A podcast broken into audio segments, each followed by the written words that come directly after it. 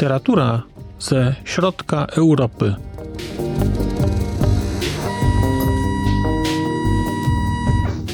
Podcast około książkowy.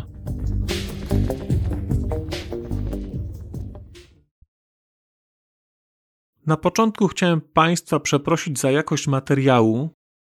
Niestety źle ustawiłem sobie mikrofon i całość nagrała się za głośno. Coś próbowałem z tym zrobić, ale moje umiejętności obróbki dźwięku są na poziomie, nazwijmy to, daleko niewystarczającym, żebym coś z tym zrobił. Więc przepraszam Państwa za to, co nastąpi za chwilę. Mam nadzieję, że w przyszłości będzie lepiej. Dzień dobry. Witam Państwa w kolejnym odcinku podcastu około książkowego. Znak litera człowiek, przed mikrofonem Marcin Piotrowski. Odmieniony, nacieszony cieszyńskością, nacieszony czeskością, słowackością, węgierskością, środkowoeuropejskością. Człowiek szczęśliwy, bo spędził cztery dni na przeglądzie filmowym Kino na granicy. Postanowiłem nagrać ten odcinek podsumowujący, licząc, że być może będzie on dla Państwa inspiracją do tego, żeby w przyszłym roku zjawić się w Cieszynie na kinie na granicy, bo jest to festiwal. Przepraszam, jest to przegląd filmowy wyjątkowy, a festiwal literacki, literatura na granicy, który temu przeglądowi towarzyszy, jest także wyjątkowy, a chyba nawet jeszcze bardziej. Kiedy zastanawiałem się trochę nad formułą tego dzisiejszego spotkania, to stwierdziłem, że chyba po prostu opowiem, co w poszczególne dni się w Cieszynie działo, w czym brałem udział, bo wydaje mi się, że taka forma chyba najlepiej oddaje ducha kina na granicy, literatury na granicy, tego przenikania się form, tego przenikania się różnego typu aktywności. Dzień pierwszy, czyli 29 kwietnia, sobota. Rozpocząłem ten przegląd od filmu Sindbad Żoltana Husarika. To jest film węgierski, wydaje mi się, że z roku 1971. I zdecydowałem się na ten film dlatego, że to jest film opowiadający o postaci Sindbada, o którym to Sindbadzie mówiłem przy okazji książki Giuli Crudiego Miasto Uśpionych Kobiet. Sindbad był tam taką dosyć ikoniczną postacią w twórczości w ogóle Crudiego i stwierdziłem, że chętnie zajrzę na film, który o tej postaci opowiada. I przyznam, że ten film był dla mnie zaskoczeniem bardzo pozytywnym. Nie miałem specjalnych oczekiwań wobec tego filmu, ale nie spodziewałem się, że dostanę dzieło filmowe będące idealnym odzwierciedleniem opowiadań. Bo to jest film, który właściwie nie ma akcji. To jest film, który jest sumą rzeczy, które wiemy o Sindbadzie z różnych opowiadań Crudiego. To wszystko jest zebrane do postaci zbioru scen. Tam jakaś minimalna jest narracja taka związana ze starzeniem się Sindbada, ale zasadniczo jest to zbiór scen przepięknie sfotografowanych, pięknie nakręconych. Jest tam mnóstwo bardzo interesujących takich przebitek, które powodujących, że na ten film można patrzeć na bardzo wielu płaszczyznach. I wydaje mi się, że ten film dostarcza widzom pewnego rodzaju refleksji estetycznej, pewnego rodzaju szansy na zanurzenie się w takiej estetyce bardzo nieoczywistej. To wszystko jest oczywiście wystylizowane, to wszystko jest piękne, to są piękne secesyjne wnętrza, no może troszeczkę przeładowane, ale takież były czasy. Natomiast jest tam dużo takich ujęć pokazujących zbliżenia, zbliżenia na oka rosołu, zbliżenia na mięso, zbliżenia na kwiaty, zbliżenia na płatki śniegu, na jakiś lód, na wodę płynącą pod lodem, na korę. Trudno opisać to jednoznacznie. Bardzo bym Państwu ten film jednakowoż polecał. Jeżeli tylko będziecie mieli okazję obejrzeć sobie Sindbada, to wydaje mi się, że warto nawet pod tym kątem, żeby zobaczyć, jak można oddać w ramach dwugodzinnego filmu opowiadania. Jak można zrobić film właściwie bez akcji, a który będzie szalenie interesujący, który będzie wręcz porywający. I to jest przepiękne przełożenie jednego medium na drugie, przełożenie książki na film. Bardzo, bardzo Państwu polecam. A ja myślę, że do tego filmu przy okazji jednej z rozmów, które mam zaplanowane w przyszłości, pewnie będę powracał. Niestety nie dałem rady dotrzeć na spotkanie Andrzeja Jagodzińskiego z Teresą Drozdą w związku z opowieścią o książce Siła Bezsilnego, którą to książkę będę wkrótce czytał. No ale tak się złożyło, że miałem inne spotkanie i nie dałem rady dotrzeć akurat na to. Byłem natomiast na kolejnym spotkaniu w cyklu Literatura na granicy, czyli na spotkaniu Markety Pilatowej z Agatą Wrubel. To właściwie była rozmowa Agaty Wrubel i Markety Pilatowej. Rozmowa z okazji prezentacji książki Ciemna Strona i było to spotkanie bardzo interesujące. Ja przyznam, nie znałem wcześniej Markety Pilatowej, a tutaj miałem okazję poznać ją jako pisarkę, obdarzoną też takim ogromnym poczuciem humoru i takim dystansem do siebie. Bardzo ciekawe spotkanie o książce Ciemna Strona, o której jakiś czas temu Państwu opowiadałem.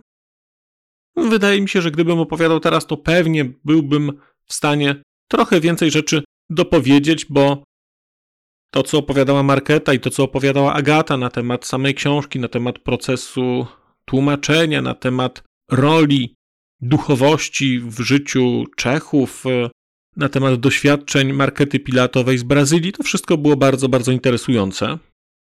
Literacko sobota zamknęła się panelem zatytułowanym Ile fikcji w literaturze non-fiction. I w tym panelu wziął udział Wojciech Jagielski, Weronika Gogola, między innymi oni, a całość moderował Łukasz Grzesiczak. No i muszę powiedzieć, że to spotkanie zrobiło na mnie wrażenie. Ja z dużymi obawami w tym spotkaniu brałem udział, no bo sądziłem, że to będzie kolejna jakaś apoteoza polskiej szkoły reportażu. Tymczasem okazało się, że wcale nie. To było spotkanie bardzo interesujące i dyskusja była bardzo interesująca. Ona właściwie krążyła wokół idei prawdy i wokół tego, gdzie się kończy literatura faktu, a zaczyna się literatura, no nazwijmy to już nie faktu. I tutaj cały czas unosił się duch Ryszarda Kapuścińskiego. Bardzo ciekawie o tym opowiadał i Wojciech Jagielski, bardzo ciekawie opowiadała Weronika Gogola. Weronikę Gogolem mogą Państwo kojarzyć z książki UFO nad Bratysławą. U mnie tej książki jeszcze nie było, z pewnością będzie przy okazji jakiegoś miesiąca słowackiego. Całość była bardzo, bardzo interesująca. I mówię, to były w gruncie rzeczy rozważania na temat tego, czy suma prawd jest także prawdą. Bardzo pięknie akurat Wojciech Jagielski mówił o tym, że nawet jeżeli dokonywał tego zabiegu połączenia historii kilku bohaterów w jednego bohatera, a robił to, to bardzo wyraźnie pisał o tym, że ta i ta postać jest postacią nieprawdziwą. Wszystkie rzeczy, które się tam wydarzyły, są prawdziwe, ale są one złożeniem historii innych postaci. Ale czytelnik o tym wiedział, czytelnik był o tym informowany na początku, a nie na przykład na końcu. Hello, wiecie, to był taki zabieg. Ta dyskusja w ogóle była bardzo, bardzo interesująca na tym panelu. Ona mi też trochę przywróciła nadzieję w literaturę non-fiction, bo ja przyznam, że gdzieś jakoś mam takie poczucie, że jak mam czytać fiction, to wolę czytać prawdziwe fiction, a nie coś, co do jakiegoś stopnia żeruje na przekonaniu, że ta historia wydarzyła się naprawdę w takiej formie, a jeżeli nie wydarzyła się w takiej, no to w jakiej innej? No, ja wolę te prawdziwe, do końca prawdziwe, albo jeżeli nieco podkręcone, jeżeli nieco zmyślone, jeżeli nieco zaaranżowane, to wprost, kiedy o tym wiem. Dlatego tak na przykład bardzo podobała mi się książka Markety Pilatowej z Batią w dżungli. Bo tam jest jasno napisane, że część rzeczy to są po prostu, no nie chcę powiedzieć, że zmyślenia, ale że część rzeczy jest po prostu fikcją. Albo jakimś odczuciem, przeczuciem tego, jak tam mogło to wyglądać. Sobotę zakończyłem udziałem w seansie słowackiego filmu Plastikowa Symfonia, filmu Juraja Lechockiego z Bartoszem Bielenią w roli głównej. Film interesujący, opowiadający o historii wiolonczelisty z Bratysławy, który z jednej strony żyje w Bratysławie, jest wiolonczelistą bardzo utalentowanym, dostaje szansę na to, żeby funkcjonować w świecie artystycznym Wiednia, w świecie artystycznym, ale nie tylko, w takim świecie show-offu trochę, bycia artystą modnym, bycia artystą dobrze zarabiającym. No i tam toczy się jeszcze jakaś historia z bratem. Nie będę tego streszczał, film bardzo, bardzo interesujący, bardzo ciekawie zrobiony muzycznie. To jest film o muzyce, z ciekawymi zdjęciami, z ciekawym kontrastem między światem słowackim a światem wiedeńskim, w szczególności światem tej high society, takiej wiedeńskiej, ludzi zachwyconych sobą, pięknych, młodych, świetnie ubranych. Jeżeli będziecie Państwo mieli okazję ten film oglądać, to bardzo, bardzo Państwu tę plastikową symfonię polecam. Niedziela 30 kwietnia zaczęła się od seansu filmowego i razem z Teresą Drozdą wybraliśmy się na film Książę Mamin Synek, czyli Prince Mamanek. O tym filmie Teresa Drozda u siebie miała jakiś czas temu odcinek, właściwie nie tyle o filmie, co tam był wywiad z panią Nadziową, która gra główną rolę żeńską w tym filmie, właściwie jedną z dwóch ról żeńskich. Ja szedłem na ten film jako na kontynuację Arabeli. To w żadnym stopniu nie jest kontynuacja Arabeli, aczkolwiek jest to fantastyczne kino familijne, typowo czeskie. To są te czeskie pochadki, opowieści, bajki. W Czechach mówi się, że nie ma niedzieli bez takiej pochadki. I to była bajka z jednej strony dla dzieci, z drugiej strony dla dorosłych. I mówię dla dorosłych w pełni świadomie, bo udało się tutaj reżyserowi zrobić to w taki sposób, że film ma walor bajkowości, takiej klasycznej bajki, trochę pozaczasowej, trochę poza kontekstem geograficznym, i jednocześnie jest to film i dla dzieci, i dla dorosłych. Na dodatek świetnie udało się gdzieś, mam wrażenie, wstrzymać rękę reżyserowi i nie zrobić z tego filmu horroru, chociaż mógłby być, bo wyobrażam sobie, co zrobiłby z tą historią Peter Jackson na przykład. Więc tutaj horroru nie ma, jest piękna bajka, bajka, która jest bardzo, bardzo aktualna, szczególnie we współczesnych czasach, bo historia o chłopcu, który nie to, że nie chce dorosnąć, tylko nie pozwala mu się dorosnąć, bo rodzice się nim zajmują, bo są nadopiekuńczy właściwie matka, ojciec, jak to ojciec ma do tego stosunek bardziej zdystansowany, to mam wrażenie, że ta historia jest bardzo, bardzo aktualna, także współcześnie, właściwie szczególnie współcześnie. Świetnie spędzone dwie godziny, świetna bajka. Jeżeli na jakimkolwiek przeglądzie będziecie Państwo mieli szansę obejrzeć sobie Princa Mamanka, to będziecie się świetnie bawić, gwarantuję. Dowcipne, jednocześnie historia miłosna, no klasyczna opowieść inicjacyjna, świetnie zrealizowana, w konwencji bardzo bajkowej. Ponieważ byłem na filmie, nie byłem na rozmowie, a ten dzień otwierała rozmowa Katarzyny Borowieckiej z Radia 357 z autorką biografii Agnieszki Holland. Ja właściwie przyszedłem na końcówkę tego spotkania, a już o 13 było spotkanie dotyczące twórczości Krzysztofa Wargi, i jego trylogii, czyli książek Gulasz z Turula, Czardasz z Mangalicą i Langosz w Jurcie. I to spotkanie prowadziła Teresa Drozda, a poza Krzysztofem Wargą brali w tym spotkaniu udział jego węgierski tłumacz i tłumacz czeski. I muszę przyznać, że to spotkanie było wyborne.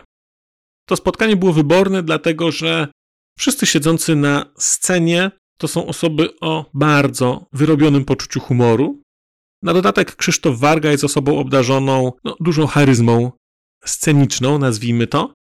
To też po jakimś czasie właściwie zdominował y, to spotkanie i kończyło się ono naprawdę bardzo ciekawymi takimi wycieczkami, bo kiedy ten kontekst, był wyjaśniony kontekst tytułu i ten turul, czyli święty ptak węgierski, no to Krzysztof Warga zwrócił uwagę, że w polskim kontekście kulturowym odpowiednikiem tytułu Gulasz z Turula byłby na przykład Bigos z Bielika albo Schabowy z Bielika.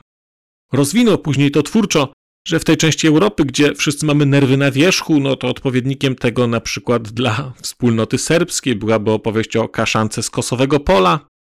I potem lekko używał sobie po swoim czeskim tłumaczu, pytając go, co takiego byłoby to w przypadku Czechów i czeskiej historii A po chwili doszedł do wniosku, że właściwie istotne jest pytanie, czy Czecha da się obrazić.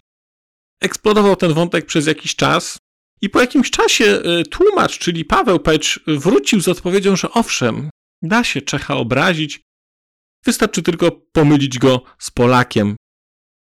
Było to spotkanie wysokiej urody intelektualnej, to było, to było cudowne doświadczenie. Bardzo żałuję, że było trwało tylko półtorej godziny. Kolejny blok to było spotkanie z Jurijem Andruchowiczem i to była rozmowa głównie o książce Moskowiada, ale ja tej książki nie znam. Będę chciał poznać. To było dla mnie ciekawe spotkanie, bo miałem okazję poznać trochę twórczość pisarza, który jest dla mnie jakoś interesujący, natomiast no, jeszcze nie czytałem tych jego rzeczy, ale kontekst Ukrainy w kontekście tego barbarzyńskiego napadu ruskich gdzieś tutaj też był eksplorowany. Spotkanie było interesujące, aczkolwiek no, z powodu własnego nieogarnięcia i z powodu własnego takiego kulturowego zacofania nie bardzo miałem okazję tam mocniej w nim brać udział, bo po prostu raczej byłem na etapie poznawania tego, co Juri Andruchowicz pisze. Nie byłem później na kolejnym spotkaniu literackim, bo to ono było w ramach literackiego to spotkanie, ale to było spotkanie o twórczości Jerzego Menzla, czyli czeskiego, właściwie czechosłowackiego czy czeskiego, w czasach Czechosłowacji funkcjonującego reżysera. Ja natomiast udałem się do kina na film e, Sluszka Mariany Ciengel-Solczańskiej i to jest film, którego akcja dzieje się właściwie tuż przed wybuchem I wojny światowej. Słowaczka ze słowackiej wsi trafia do Pragi jako służąca do takiej mieszczańskiej rodziny. No i tam następuje seria wydarzeń, pojawia się wątek romansu między tą bohaterką a jedną z osób z rodziny tamtejszej, właściwie konkretnie z córką głównych państwa. I mamy z jednej strony wątek obyczajowy, natomiast z drugiej strony mamy bardzo silny wątek polityczny. Jest pokazane zjawisko trochę budzenia się świadomości narodowej. Tam jest to pęknięcie na poziomie tożsamościowym. Kim jest ta rodzina? No z jednej strony to są Niemcy, z drugiej strony mówią po czesku. Pan domu ma mapę Austro-Węgier. Kiedy kończy się wojna i rozpada się to cesarstwo, to jest taka piękna scena kiedy ci wszyscy służący pytają się, gdzie będą mieszkać, rzucają miasta czy miejscowości, z których pochodzą, i on zaznacza to i mówi: To jest Polska, to są Czechy, to jest e, Słowacja, to jest Serbia. Widać ten moment rozpadu monarchii, a w tle jest rozpad także rodziny. Jeżeli będziecie Państwo mieli ochotę i możliwość, idźcie na ten film. Ta historia jest bardzo ciekawa, a co najciekawsze to to, że to jest historia oparta na faktach. Główna bohaterka rzeczywiście istniała, a zdarzenia przedstawione w filmie są autentyczne. I to się człowiek dowiaduje na końcu, ale to bardzo mocno wpływa na to, bo to się wydawała jakaś opowieść miłosna, a jednocześnie ta opowieść jest prawdziwa. Bardzo, bardzo to ciekawe, bardzo pięknie nakręcone, interesujący film. I niedzielę zamknąłem też seansem filmowym, trafiłem na film Plus Minus 90 słowackiego dokumentalisty Marka Kubosza. I to jest taki film, który jest portretem całego pokolenia słowackich dokumentalistów, którzy kończyli studia w latach 90. Natomiast jest tam wprowadzony szerszy kontekst, pojawiają się też słowaccy dokumentaliści nieco wcześniejsi, nieco późniejsi także.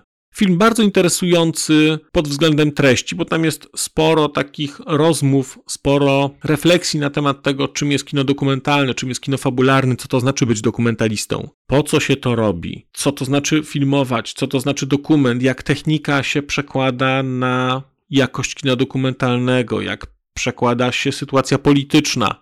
Bardzo, bardzo interesujące to było. I tak patrzę z perspektywy, to jest to chyba jeden z dwóch filmów, które gdzieś mi cały czas tak e, mam w głowie i gdzieś cały czas o nich jakoś myślę.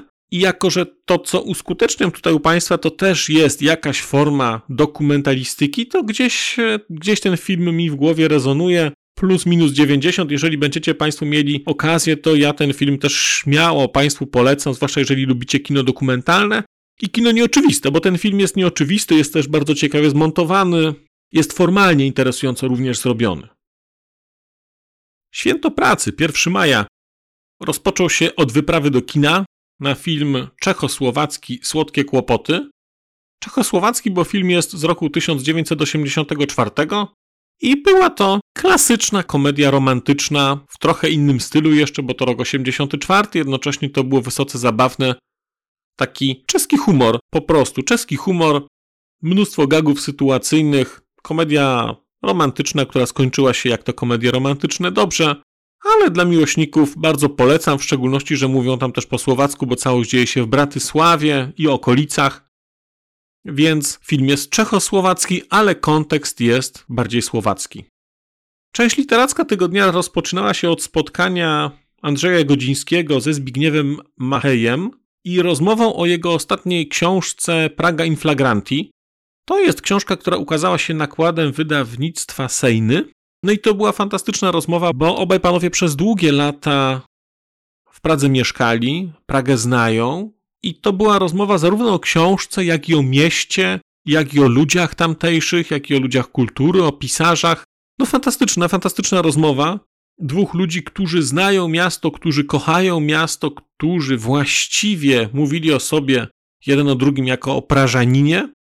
Ja książki jeszcze nie czytałem, planuję, ale nie wiem kiedy, bo kolejka w ramach literatury czeskiej i około czeskiej jest spora. Tuż po miało miejsce wyjątkowe wydarzenie, czyli rozmowa z panem Antonim Krochem, już starszym panem, 80-letnim, etnografem, pisarzem, tłumaczem. I teoretycznie była to rozmowa o wszystkim i o niczym. Europie Środkowej, o tłumaczeniu, o jego drodze życiowej. Fantastyczny człowiek. Pan Antoni Kroch jest człowiekiem, który odpowiada za najnowszy przekład Szwejka na polski. I taki prawdziwy, prawdziwy przekład. Ja tego przekładu nie znam, będę nadrabiał tę zaległość czym prędzej, bo kiedy była tam kolejna debata na temat właśnie przekładów Szwejka, no to okazuje się, że te przekłady, na których ja się wychowałem, mają się, nazwijmy to, nijak do oryginału, tam jest używany trochę inny język, więc ja bardzo na to czekam. A Antoni Kroch jako osobowość, no właściwie był bohaterem dnia. Fantastyczny pan, fantastycznie opowiadający, fantastycznie śpiewający także, no bo to jest e, etnograf. Śpiewa, robi słowniki, zbiera język mówiony. Wyjątkowa, wyjątkowa postać. Ja mam nadzieję, że będę miał okazję jeszcze z panem Antoni porozmawiać i gdzieś u państwa z jakąś jego historią też się pojawić, bo wydaje mi się, że bardzo, bardzo warto. Kolejne spotkanie w ramach bloku literackiego tego dnia to było spotkanie na temat książki Tahiti Utopia książki bardzo świeżej. Ona ukazała się dosłownie kilka dni temu, na samym początku maja. Książka jest autorstwa Michala Chworeckiego. To jest słowacki autor. I spotkanie było z Michałem Chworeckim, z Lubomirem Machałą, czyli tłumaczem jego na język czeski, i z Michałem Wirchniańskim, czyli tłumaczem literatury słowackiej na język polski. Prowadził to Tomasz Grabiński. Tak, tak, ten Tomasz Grabiński, Tomasz Grabiński, tłumacz a jednocześnie dyrektor biblioteki. Wydaje mi się, że ze spotkań literackich to było spotkanie, które było dla mnie chyba najbardziej otwierające, tak perspektywicznie, bo ja tę książkę miałem na liście i ja ją już mam, ale jeszcze jej nie czytałem i to spotkanie właściwie pokazało mi trochę na nowo Słowację, kontekst historyczny Słowacji. To jest bardzo wyjątkowa książka, bo ona opisuje historię nazwijmy to alternatywną, historię Słowaków, którzy funkcjonują na wyspie Tahiti, bo ona opisuje historię alternatywną Słowaków funkcjonujących na wyspie Tahiti. No już prawie współcześnie. No i powiecie Państwo, no Słowacy na wyspie Tahiti to rzeczywiście utopia i rzeczywiście historia alternatywna, ale nie do końca, dlatego że tak jak były plany polskiej kolonizacji Madagaskaru, tak Słowacy rzeczywiście, rzeczywiście mieli plan, no może nie Słowacy, ale taki słowacki, nazwijmy to polityk, bohater, właściwie twórca słowackiej państwowości, Sztefanik, chyba Józef Sztefanik, on miał taki plan wykupienia wyspy Tahiti i przeniesienia tam populacji słowackiej.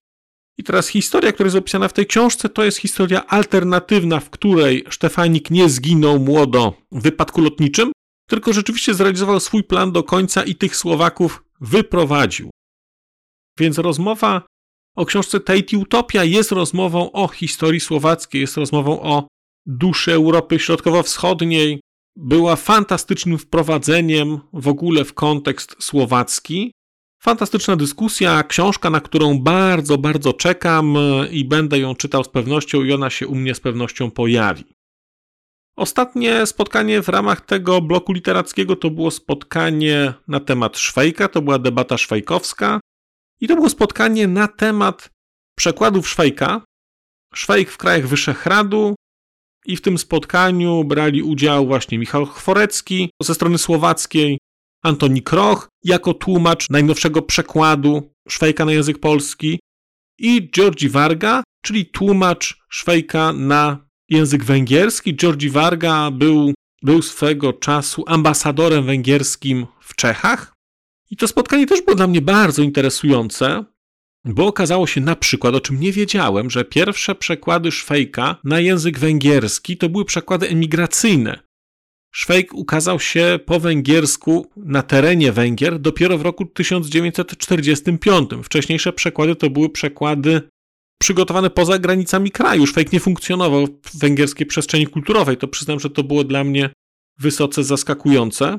Tutaj też była bardzo ciekawa rozmowa właśnie na temat polskich przekładów Szwejka, historii z tym związanych oraz obecności Szwejka w przestrzeni słowackiej, do jakiego stopnia Szwejk jest bohaterem słowackim, do jakiego stopnia Szwejk jest bohaterem węgierskim. Te rozmowy już się tu zaczęły, one miały kontynuację swoją dnia następnego. A poniedziałek skończyłem w kinie na filmie Wojciecha Maszka Arwet. I to jest film nagradzany ostatnio w Czechach bardzo mocno. Historia o Iżim Arwedzie Smichowskim to był człowiek, który był okultystą, który był kolaborantem, który współpracował z komunistami, z Niemcami. Osoba bardzo dziwna, osoba bardzo zakręcona, bardzo dziwna osobowość. Taka faustowska, mefistofelesowska. I powstał film, który też jest bardzo dziwny. Ja przyznam, że od dawna nie byłem na filmie, który byłby tak bardzo nieoczywisty, który byłby tak bardzo zapleciony, gdzie właściwie trudno było odróżnić, gdzie kończy się jedna scena, zaczyna druga. Zapętlenia, zmiany planów czasowych, odgrywanie tego samego w różnych okolicznościach. Bardzo to było ciekawe. Do tego tam jest w tym filmie sporo okultyzmu, takiego wywoływania duchów, przywoływania jakiegoś e, szatana, jakichś takich e, wątków nadprzyrodzonych, do tego polityka.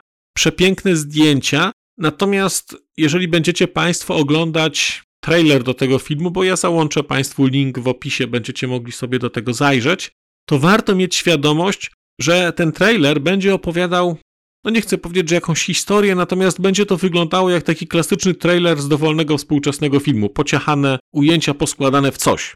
Natomiast w tym filmie niczego takiego nie będzie. Ten film to będzie seria zapętlonych takich scen, gdzie będziecie Państwo naprawdę siedzieć i głowić się, o co chodzi, kto jest kim, jaki to jest czas, którędy ktoś wszedł, którędy ktoś wyszedł, który plan czasowy jest prawdziwy. O tym, jak bardzo ten film był specyficzny, niech świadczy fakt, że dyskusja z reżyserem i z odtwórcą głównej roli, ta dyskusja trwała godzinę po filmie. Ona się zaczęła o wpół do 11, jak film się skończył, a skończyła się e, o wpół do 12. I właściwie cały czas były pytania dotyczące różnych aspektów tego filmu, bo on jest tak wielowymiarowy, że można było pytać o rzeczy od historii Jerzego Arweda Smichowskiego przez wątki psychologiczne, psychiatryczne wręcz, historyczne, zdjęciowe.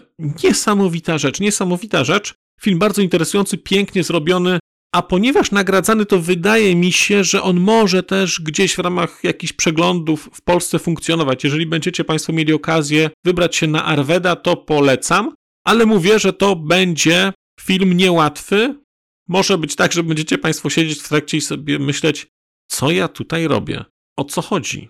No, w tym filmie nie tak od razu wiadomo o co chodzi, Myślę, że gdybym na ten film poszedł drugi raz, to oglądałbym go już zupełnie inaczej, bo wydaje mi się, że czytałbym bardziej te plany, a nie starał się złożyć tego w jakąś historię, co się do jakiegoś stopnia by pewnie udało, ale No ale to jest film, który wydaje mi się bardzo warto obejrzeć.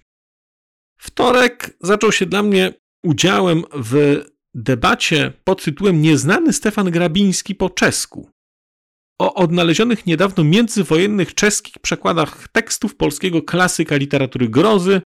I to była rozmowa z Martinem Juruszkiem i z Pierem Van Kutsemem.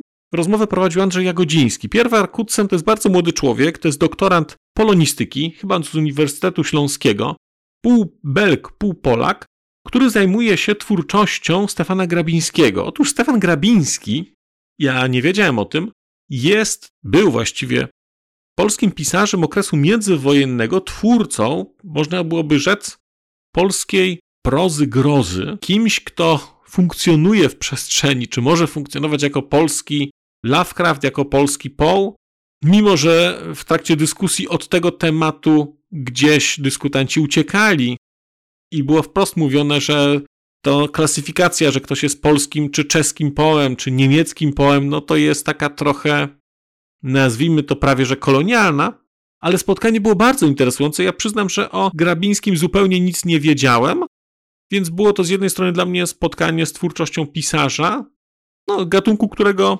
jakoś nie bardzo ten gatunek znam, nie bardzo tam go sobie podczytuję, ale bardzo interesujące i wydaje mi się, że może też jakoś perspektywiczne dla mnie, bo może kiedyś gdzieś poczytam, bo ten Grabiński zaczyna być po polsku wydawany z powrotem.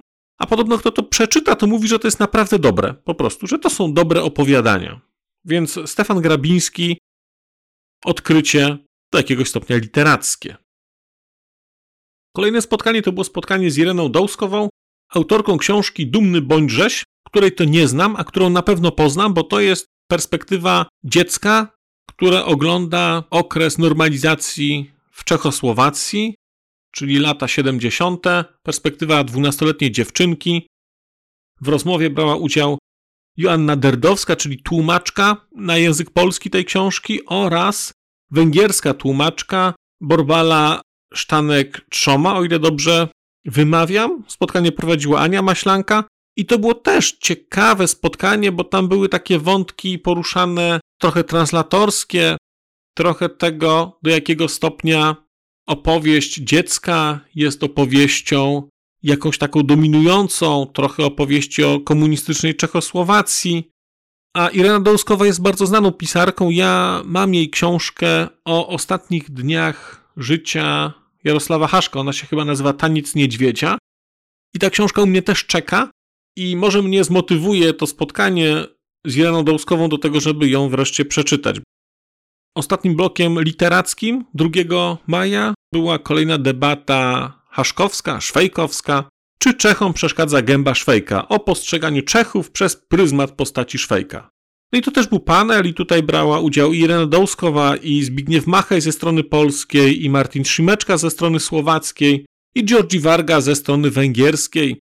Rozmowa prowadzona przez Anię Maślankę, rozmowa szalenie interesująca, bo to były bardzo, bardzo różne perspektywy na postać Szwejka, na osobę Haszka, na recepcję tej twórczości w różnych krajach. Bardzo, bardzo interesująca rzecz. W ogóle ten wątek haszkowski, szwejkowski świetnie tutaj w ramach tej literatury wypadł. A wtorek tradycyjnie zamknąłem w kinie. Film nosił tytuł Słowo, wyreżyserowała go Beata Parkanowa. I jest to taka opowieść o notariuszu. Rzecz dzieje się w roku 68 w Czechosłowacji i chwilę później, bo potem w roku 69 i to jest opowieść o tym, jak człowiek stara się być uczciwy, co dzieje się, kiedy nie chce się na coś zgodzić, jak działa system. Bardzo taki kameralny film, bardzo pięknie zrealizowany i dawno nie pamiętam, kiedy tak szybko zleciały mi tam chyba dwie godziny w kinie. Właściwie nie wiem kiedy ten film się skończył, kiedy oczekiwałem, że będzie się działo coś jeszcze dalej, a tu nagle się okazało, że to był już koniec. Bardzo ciekawie pokazane echa tej rosyjskiej, czy właściwie bratniej inwazji na Czechosłowację, ale od zupełnie innej strony, bo tej inwazji tam nie widać. Ta inwazja jest tam pokazana tylko na poziomie zmiany zachowań, tylko na poziomie reakcji na pewne sytuacje, bo tak naprawdę ten film jest taki, można byłoby powiedzieć, bardzo teatralny. ostatni dzień, czyli 3 maja, i tu było tak, że idąc od końca, brałem udział w spotkaniu z węgierskim poetą Isztwanem Kemeni. I tam w tym spotkaniu brał udział oczywiście Isztwan Kemeni, ale także jego słowacka tłumaczka, pani Lenka Nadziowa. Prowadziła to spotkanie Karolina Wilamowska, którą możecie Państwo znać jako tłumaczkę książki Kurator Georgi Konrada. Spotkanie było bardzo interesujące, bo Isztwan Kemeni to jest węgierski poeta średniego pokolenia już, który ma duży wpływ na poetów młodszych. Bardzo ciekawa refleksja na temat tego, czym jest poezja, do jakiego stopnia poezja może być polityczna, do jakiego nie. Świetna rozmowa również między autorem, tłumaczką, trochę też ciekawostek na temat języka węgierskiego. No, ciekawostek to złe słowo, ale gdzieś tam te wątki, specyfiki odrębności węgierskiej wybrzmiewały także na poziomie językowym. Bardzo, bardzo udane spotkanie. Tuż przed nim było spotkanie Zbigniewa Macheja z Bronisławem Majem. To była rozmowa, to było czytanie wierszy Bronisława Maja. No bardzo to było interesujące, bardzo piękne. Przyznam, że oglądanie sposobu moderacji Zbigniewa Macheja to jest przyjemność sama w sobie. To jak można je pomoderować, jak można je poprowadzić, jak można zachęcać kogoś do tego, żeby czytał swoje wiersze, nawet jeżeli nie chce, no to coś pięknego jest. To jest po prostu przyjemność patrzenia, przyjemność sycenia się taką najwyższego poziomu interakcją intelektualną, taką delikatną, przyjacielską przemocą, wyciąganiem, coś cudownego, coś cudownego. Ale wcześniej byłem na najważniejszym dla mnie filmie tego przeglądu, filmie, który otwierał u mnie program wtorkowy. To jest film dokumentalny, czesko-słowacki. Film wyreżyserowany przez Beatę Parkanową, a film nosi tytuł Jan Kapr, opera dokumentalna. I rzeczywiście ten film naprawdę jest dokumentalną operą. Jan Kapr to była bardzo wyjątkowa postać w ramach czechosłowackiej sceny muzycznej, czy czeskiej, nie wiem jak to powiedzieć. No, Jan Kapr urodził się w Austro-Węgrzech, a całe życie przeżył w Czechosłowacji, więc nie wiem jak go opisać. Był to jeden z najbardziej znanych czeskich kompozytorów muzyki współczesnej XX wieku. Bardzo wcześnie stracił władzę w nogach. Pisał przepiękną muzykę, muzykę współczesną, i cały ten film, to jest 90-minutowy film, jest operą, tam jest napisany tekst, który jest śpiewany przez chór.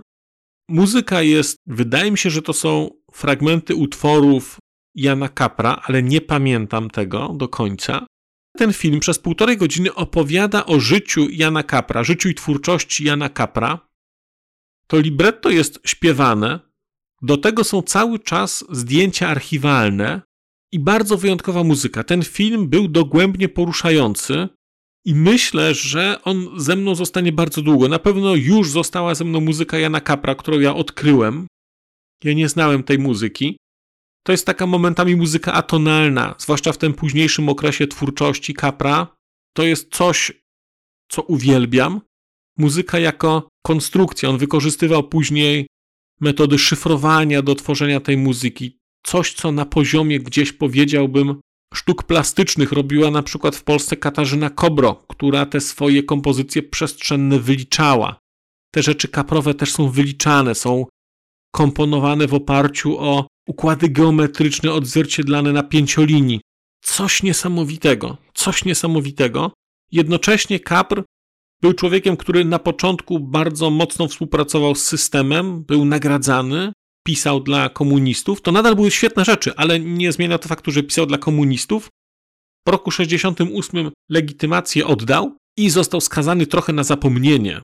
Historia bardzo poruszająca, historia przepięknie opowiedziana, przepięknie opowiedziana na poziomie muzycznym, przepięknie opowiedziana na poziomie wizualnym. W opisie odcinka znajdziecie Państwo link do jakiegoś fragmentu małego, który jest na YouTubie. I jeżeli będziecie Państwo to oglądać, to właściwie będziecie mieć pars pro toto. Bo to, co obejrzycie tutaj, no to cały film tak wygląda. Cały film to jest tego typu muzyka, tego typu zdjęcia i tego typu narracja. Tylko tutaj macie to troszeczkę skondensowane, te, tutaj są trochę krótsze te scenki, ale w ten sposób zrobione jest całe 90 minut. Film jest absolutnie rewelacyjny. Nie wiem, jak ten film zdobyć. Wiem, że na Spotify'u na przykład Jana Kapra nie ma. Na szczęście znalazłem spore zbiory na YouTubie i załączam Państwu też link do tego, żeby można było sobie posłuchać. Jestem tą muzyką oczarowany, jestem tym filmem oczarowany. Dla mnie najlepszy film festiwalu, absolutna rewelacja, kulminacja na poziomie muzycznym, na poziomie wizualnym, na każdym możliwym poziomie. Przepiękna, przepiękna historia, fantastyczne story. Więc sami Państwo widzicie, w przyszłym roku nie ma co, do Cieszyna trzeba jechać. Tym bardziej, że festiwal, zwłaszcza część literacka, rozwija się nadal i o ile na przykład w zeszłym roku było tłumaczenie asynchroniczne, to w tym roku było już tak, że było tłumaczenie w czasie rzeczywistym, nie wiem jak ono się tam nazywa, konsekutywne czy jakie. Po prostu brało się słuchawki, całość była dużo płynniejsza, więcej było rozmów, nie trzeba było tracić czasu. Bo tracić czas to nie jest stracenie czasu, przekład nie jest stratą czasu, to jest przyjemność słuchania. Ale w tym roku było więcej możliwości słuchania bezpośredniej rozmowy, dlatego że nie trzeba było po prostu czekać na przełożenie czegoś. No ja Państwu bardzo polecam. Ja jestem bardzo tym festiwalem zachwycony. Troszeczkę też książeczek, jakich sobie przywiozłem po czesku. A jakże? I myślę, że jeszcze jakieś tam echa festiwalu gdzieś u mnie się pojawią, a ja nie mogę się już doczekać roku przyszłego. Ale to już za rok, to już właściwie z górki już jakoś pójdzie. Bardzo Państwu dziękuję za dzisiejsze spotkanie. Dajcie znać, kto wysłuchał tego do końca, bo to strasznie się rozgadałem, ale tak zacny festiwal, no nie mogłem inaczej. Nie mogłem inaczej. Bardzo Państwu dziękuję. Do usłyszenia. A już zupełnie na koniec powiem, że skoro wysłuchaliście Państwo tego odcinka, to w jego opisie znajdziecie link do serwisu YouTube. W wersji YouTube'owej e, jest miejsce na skomentowanie go. To jest takie miejsce, gdzie można komentować ten odcinek, rozmawiać, zadawać pytania, wymieniać się spostrzeżeniami, do czego Państwa bardzo zachęcam, gdyż udało się już na tym YouTubie zgromadzić trochę bardzo ciekawych osób, bardzo ciekawych komentarzy i trochę stworzyć taką społeczność ludzi rozmawiających o książkach. Też na koniec, zupełnie na koniec, e, poproszę Państwa o wystawienie oceny mi w ramach e, tych platform podcastowych, na których Państwo tego odcinka wysłuchaliście. I nieważne jaka ta ocena będzie, istotne dla mnie po prostu, że będzie. Tymczasem się żegnam już naprawdę i do usłyszenia za czas jakiś.